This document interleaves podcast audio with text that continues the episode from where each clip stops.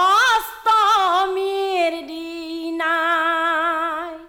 বসুদেৱে গকুলত থৈছে পলু ৱাই